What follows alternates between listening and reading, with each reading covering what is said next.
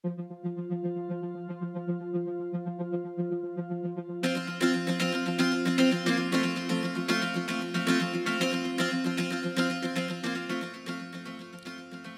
sensitiviteit lijkt soms iets magisch. Sommigen missen het, anderen hebben het en velen willen het. Wij zijn Tom Leest en Michel de Visser en wij onderzoeken in deze podcast wat politieke sensitiviteit is, hoe het werkt en hoe je er resultaat mee bereikt. In de politiek, op het werk of thuis. Welkom bij de podcast Politiek Sensitief.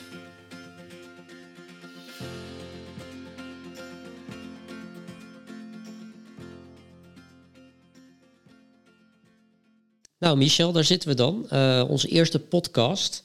En in deze aflevering staan we stil bij wat politieke sensitiviteit nou eigenlijk is, wat je eraan hebt en welke associaties eraan kleven en hoe je er beter in kunt worden. Maar om met het eerste te beginnen, waarom vind jij dit onderwerp nou zo interessant en zelfs je er een boek over aan het schrijven bent? Ja, het onderwerp boeit me heel erg. En eh, ik heb eigenlijk al heel vaak dat ik in een overleg eh, zit bijvoorbeeld en ja, me afvraag hoe het komt dat het gaat zoals het gaat. Waarom wordt iemand opeens boos? Of waarom is iemand die eigenlijk een goed plan heeft, ja, krijgt dat toch niet gedaan, krijgt zijn zin niet? Wat zijn de krachten die er dan spelen? Wat gebeurt er dan precies? Ja, dat vraag ik me dan af en dat zit ik dan vaak over, uh, ja, daar denk ik dan over na. En dat is dus in werksituaties, maar dat is ook uh, in de krant of op de televisie. Um, ja, dan vraag ik me ook af hoe het spel gespeeld wordt. Hè? Hoe, hoe komen bepaalde coronamaatregelen nu precies tot stand? Wat zijn de stappen? Wie, wie zijn daarbij betrokken? Uh, waarom, zeggen, waarom zegt de minister wat hij zegt? Of waarom de journalist wat hij zegt? Uh, dat is een soort spel wat mij fascineert. En dat zie je dus soms van meer van veraf, in het groot. Maar ja, dus ook iedere dag eigenlijk in je eigen omgeving. En, um, maar dan stel jij dus eigenlijk voor, uh, als je dan zo'n persconferentie ziet, van uh, nou ja, hoe, uh, hoe gaat dat dan? Die ministers, dan zitten ze in het katshuis en hoe, hoe, wordt, hoe komt zo'n besluit tot stand? Ja, dat vraag ik me dan af, want dat is natuurlijk niet alleen op medische gronden. Daar spelen allerlei andere factoren ook een rol.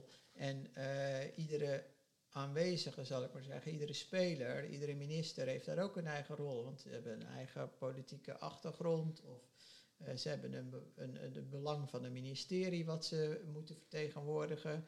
Uh, ja, de druk vanuit, uh, van, vanuit het land, die, die speelt een rol. Ja, hoe gaat dat dan? Ehm, dat vraag ik mij af en dat, dat, is, dat vind ik spannend, dat vind ik interessant. En ja, dus dat maakt dat ik daar altijd een beetje mee aan het puzzelen ben. Ja, en je vindt het spannend, zeg je, maar uh, nou ja, je, je bent zelf uh, ook niet helemaal vreemd in uh, de politiek.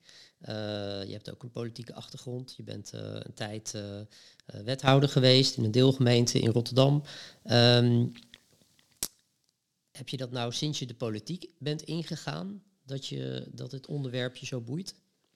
Nou ja, wij noemen het nu politieke sensitiviteit. Dat is dan natuurlijk een heel mooi begrip. Maar uh, waar het om gaat, is, is dat, dat, dat, dat heb je denk ik al van kinds af aan. Hè? Dat, dat spel van hoe dat gaat en die krachten. Als ik terugdenk aan de, aan de middelbare school. Ik natuurlijk nog nooit van politieke sensitiviteit gehoord. Maar uh, daar was het wel al zo dat in de klas bij ook wel vaak de grenzen opzochten. En uh, dat, dat was eigenlijk een beetje hetzelfde, want bij iedere docent lagen die grenzen anders. En bij iedere docent ging dat op een andere uh, manier. En ook daar zie je dan dat uh, ja, sommige kinderen die waren daar wat minder handig in. En die ehm, gingen dan over de schreef en die, die kregen strafwerk of dat ging dan niet. Terwijl ja, anderen die konden dat iedere keer precies aan de goede uh, kant van de lijn blijven. Terwijl die lijn in, bij iedere, ieder uur ergens anders lag, zeg maar. En ja, wat ik al zei, dat noemde je geen politieke sensitiviteit. Maar als ik daar nu aan terugdenk, ging dat wel een beetje over, het, uh, over hetzelfde. Dus ja, dat politieke spel, dat is volgens mij van alle tijden en van overal, eh, dicht bij huis, eh, ja, en ook, ver, en ook ver weg. Dus ja, zo eigenlijk. Ja, het is wel grappig dat je dat zegt, uh, die, het voorbeeld over de middelbare school. Want je kunt het eigenlijk zo doorvertalen naar, naar een gemiddeld kantoor met managers en wat meer horkerige medewerkers of medewerkers die, die sensitief zijn en die dingen wel gedaan krijgen. Ja, dus, dus in, kijk, als consultant ben ik in heel veel organisaties binnen geweest. En daar zie je, dat is natuurlijk eigenlijk uh, hetzelfde spel wat ook iedere dag zich afspeelt. En de ene gaat dat beter af dan de andere. En het is ook afhankelijk van de omgeving waar je zit en de problematiek. Dus, um, maar ja, ik, ik, ik denk, hoe, hoe zie jij dat? Want dat zal voor jou, zullen dit soort uh, ervaringen natuurlijk niet heel anders zijn. Of Nee, dat, uh, dat, dat klopt. Ik, ben, ik ben zelf werkzaam als omgevingsmanager. een verschrikkelijk woord trouwens. stakeholder manager klinkt dan misschien beter. dus ik probeer ook ja, de belanghebbenden van een, een project of een organisatie ja, binnenboord te houden en daar een relatie mee te, te krijgen. En in die zin ben ik dus ook um, veel bezig met dit onderwerp en is politieke sensitiviteit ook een competentie die voor mijn vak uh, wordt gevraagd. Hè? Want dat zie je ook vaak ja, bij heel veel, steeds meer uh, vacatures zie je ook terugkomen dat, uh, dat er wordt gevraagd van, nou ja, bent u politiek sensitief? op een schaal van 1 tot 5, geef maar aan. En nou ja, in die zin ja, denk ik dat ik daar ook wel als omgevingsmanager heel vaak mee bezig maar uh, je ben. zegt uh, omgevingsmanager of stakeholder manager, maar kan je een voorbeeld geven waar, waar, waar heb je dan een omgevingsmanager of een stakeholder manager bij nodig? Wat voor soort projecten hebben we het dan over? Nou ja, op dit moment werk ik voor een groot infrastructuurproject, dus een nieuwe snelweg.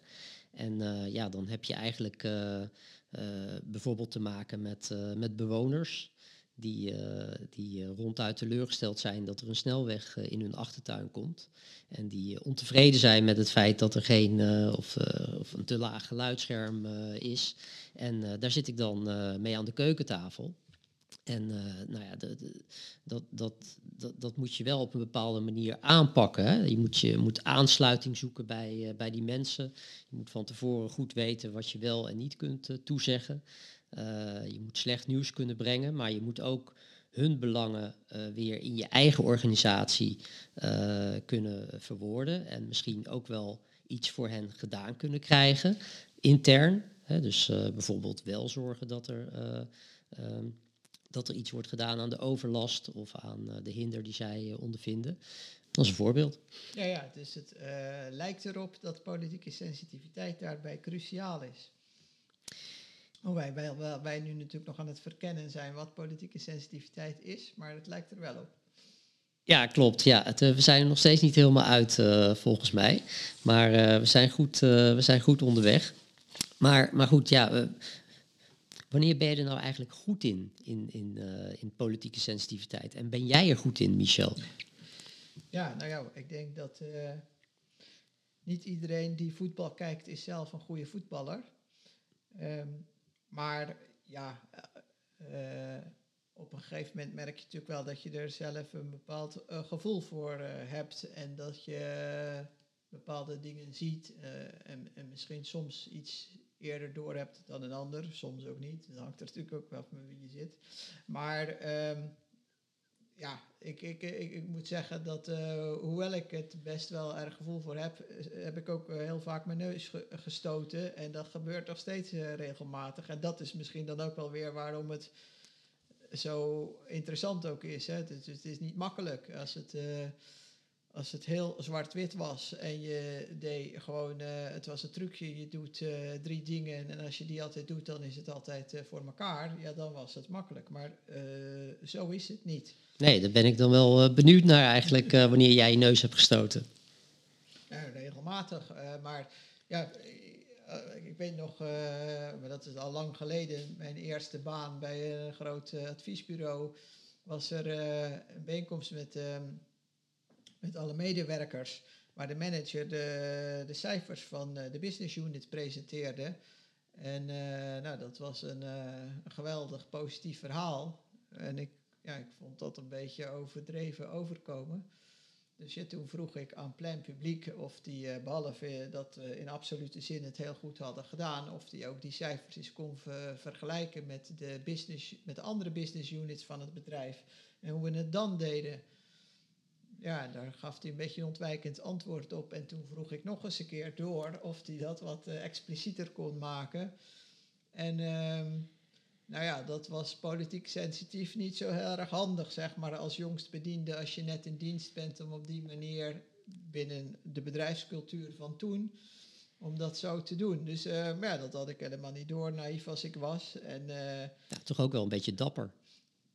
Ja, maar ja, dapperheid, uh, ja, dat is leuk natuurlijk dat je dan dapper bent, maar dat, daar, daar koop je op dat moment niet zoveel voor. Maar goed, op dat moment zelf had ik dat ook niet eens zo door, maar later krijg je wel in de gaten dat dat ja, ik, ik, ik, heb daar toen niet meteen punten gescoord bij die manager, zeg maar. Dus ja, nee, dat is wel, wel grappig, zoiets iets gaat. Maar ook op andere momenten heb ik natuurlijk ook wel eens een bok geschoten. Ik heb ook wel eens in sollicitatiegesprekken gezeten die, waar, waar, waar het misging. En dat je achteraf denkt van ja, maar ik, had, ik sloot ook helemaal niet goed aan bij die mensen. Of ik... Uh, ja, ik zat helemaal niet op dezelfde toonhoogte als waar zij op zaten. Of ik zat veel te veel op iets, over iets te vertellen waar zij, waar zij niks mee hebben. Ja, ja, dan gaat het niet goed. En, maar ja, daar denk je over na en dan probeer je van te leren, zodat het de volgende keer beter gaat. Volgens mij, volgens mij weten, we, weten we allebei, en ook de luisteraars, nu wel een klein beetje waar we het over hebben. Hè, wat dan die politieke sensitiviteit is. Maar toch hebben we het nog niet helemaal vastgepakt, volgens mij. Want wat, waar bestaat het nou eigenlijk uit? Ja, het is ook wel merkwaardig als je daarop aansluitend. want volgens mij is politieke sensitiviteit. Zie je eigenlijk ook pas als het er niet is. Um, als, als iets heel met heel veel politieke sensitiviteit wordt uh, aangevlogen, een project bijvoorbeeld, of een vergadering of een, of een besluitvorming, uh, wordt heel politiek, politiek, sensitief gedaan, dan, uh, ja, dan gaat het eigenlijk gladjes en dan gaat het goed. En dan heb je misschien niet eens door dat het, dat het zo goed gaat. Um, het gaat pas mis op het moment dat iemand dat niet zorgvuldig doet. Of dat, dat uh, de ene persoon op de tenen van de andere gaat staan. Of dat iemand uh, als, een, als een olifant door de porseleinkast gaat. De zogenaamde horken. Dat is, dat is een goed voorbeeld ervan. Maar ja, er zijn natuurlijk verschillende uitingsvormen, denk ik. Maar ja, dat, dat, dus dat is wel bijzonder. Maar volgens mij, kijk, het gaat denk ik in de kern in ieder geval om de, om de vaardigheid om ja, de situatie waar je met elkaar in zit, om dat goed te lezen en om, de, om, om dat te begrijpen en aan te voelen. En om ook de andere mensen die erbij betrokken zijn, uh, je collega's of, of, of uh, de, de, personen die, uh, die aan tafel zitten, om die ook goed in te schatten, om hun belangen goed in te schatten. En op basis daarvan je eigen inzet en wat jij wil, om dat ehm, ja, om dat zo neer te zetten dat je uh, gegeven die omgeving en die situatie, dat je dan je eigen doelen weet te behalen. Oké, dus, dus de situatie goed inschatten, de belangen die aan tafel zitten, uh, dat klinkt ook als iets wat je moet voorbereiden. Klopt dat? Uh, ja, je kunt daar zeker aan voorbereiden, soms. want je kunt ook in onverwachte situaties terechtkomen. Maar kijk, als het gaat om bijvoorbeeld een vergadering, dan kun je wel je kunt natuurlijk gewoon de stukken lezen als die er zijn, die je hebt gehad. Maar je kunt natuurlijk ook al van tevoren nadenken, wie zouden er allemaal komen? Hoe is de vorige keer gegaan? Welke belangen hebben al die personen? welk agendapunt is voor wie belangrijk? Um, op die manier kun je daar al wel over een heleboel dingen wel al een soort huiswerk doen. als die tijd je gegund is. Hè? Want ja. soms kom je ook onverwachts in situaties terecht en dan zul je ja, meer impulsief moeten handelen. Ja, oké, okay, oké. Okay. Wat zijn verder nog uh, elementen die, uh, die, die nou, daarbij horen bij de politieke sensitiviteit? Kijk, wat we hebben het er nu zo over en ik heb, ben, ben natuurlijk al een tijd bezig om hier een beetje over na te denken. En zo is ook op een gegeven moment het idee gekomen om daar een boek over te gaan schrijven. En toen ben ik ook met een aantal mensen uh, daarover gaan praten, over wat, uh, hoe zij dat doen, zoals wij er nu eigenlijk over spreken. Ja, want je hebt een hele hoop mensen geïnterviewd voor dat boek. Ja, ja, ja, ja, ja. ja. En... Um, uh, en op basis daarvan heb ik eigenlijk geprobeerd ook dit, dit, dit hele vraagstuk een beetje te structureren. En uh, nou, wat in ieder geval belangrijke uh, onderdelen zijn van wat ik dan noem de politieke sensitiviteit, is in ieder geval in eerste instantie het, het proces waar je met elkaar in zit, de situatie wat ik net ook al noemde. Het tweede ding wat heel belangrijk is, is uh, de belangen van iedereen. Nou ja, dat, jij als stakeholder management uh, manager, is, uh, die kent dat als, als geen ander. Wat, Ik doe mijn best, ja. een volgend punt wat heel belangrijk is, is, is de machtsverhoudingen die er zijn. Dan heb je nog, wat ook wel van belang is, is politieke signalen die er zijn en of je daar oog voor hebt.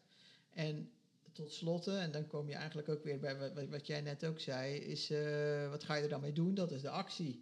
Ja. Je kunt dit allemaal voorbereiden, maar dan, uh, ja, dan moet je aan de slag. En dan, uh, wat doe je dan als je daar dan in die vergadering zit, of in die onderhandeling, of in dat sollicitatiegesprek? Ja, om er eens eentje uit te pakken, hè, die, die machtsverhoudingen.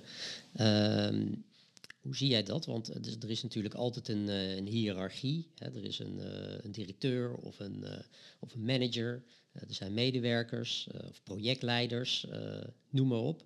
Um, maar volgens mij valt er meer over te vertellen.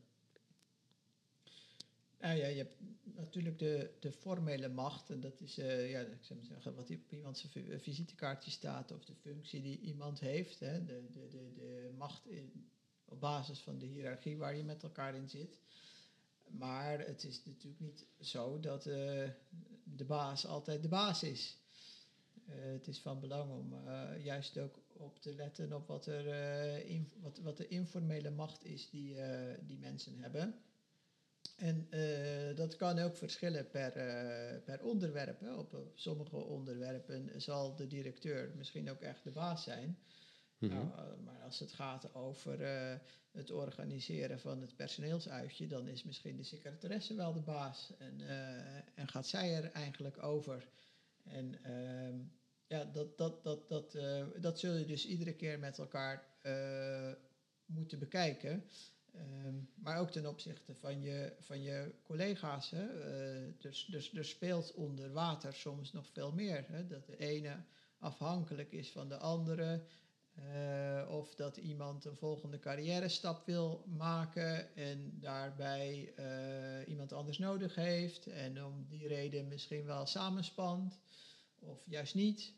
Of uh, de ene meneer heeft vorige week net ruzie gehad met een andere collega en dat eilt nog een beetje na. Ja, ja. En ja, dat zijn allemaal dingen die van invloed kunnen zijn op ehm, ja, hoe iedereen zich tot elkaar verhoudt en uh, wat uiteindelijk het machtsspel is. Ja, het zijn eigenlijk allemaal dingen die we, die we zouden horen bij de koffieautomaat, waar we zo naar verlangen in deze coronatijd, maar helaas nog te weinig uh, zijn.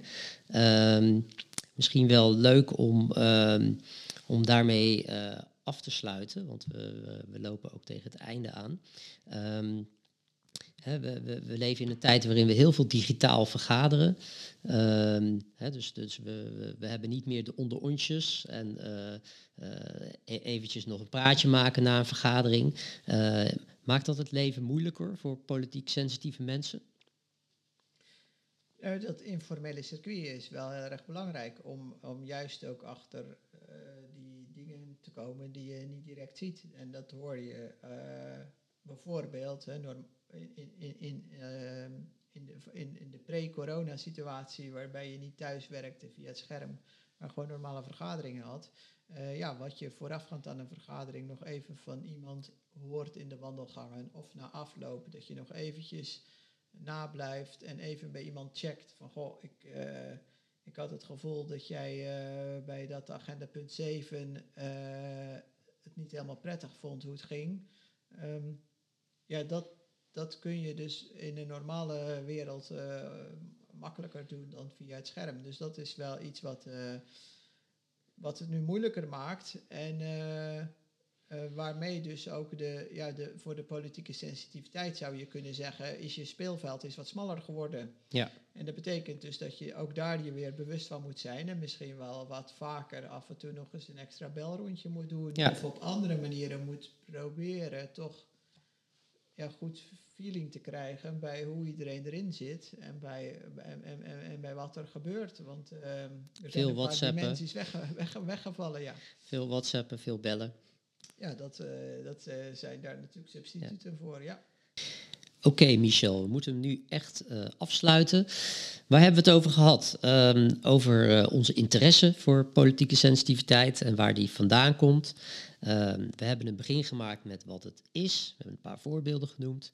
Eh, de belangrijkste elementen zijn eh, langsgekomen, maar eh, er valt nog enorm veel meer over te vertellen.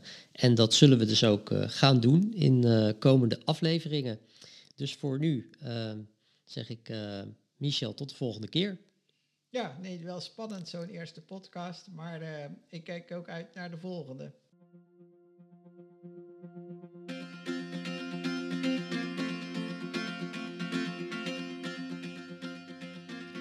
Dit was Politiek Sensitief. Wil je er meer over weten? Beluister dan onze andere podcast, bestel het boek Politiek Sensitief aan de slag of kijk op onze website www.polisens.nl. Heb je vragen of wil je iets kwijt? Stuur dan een berichtje naar info.polisens.nl.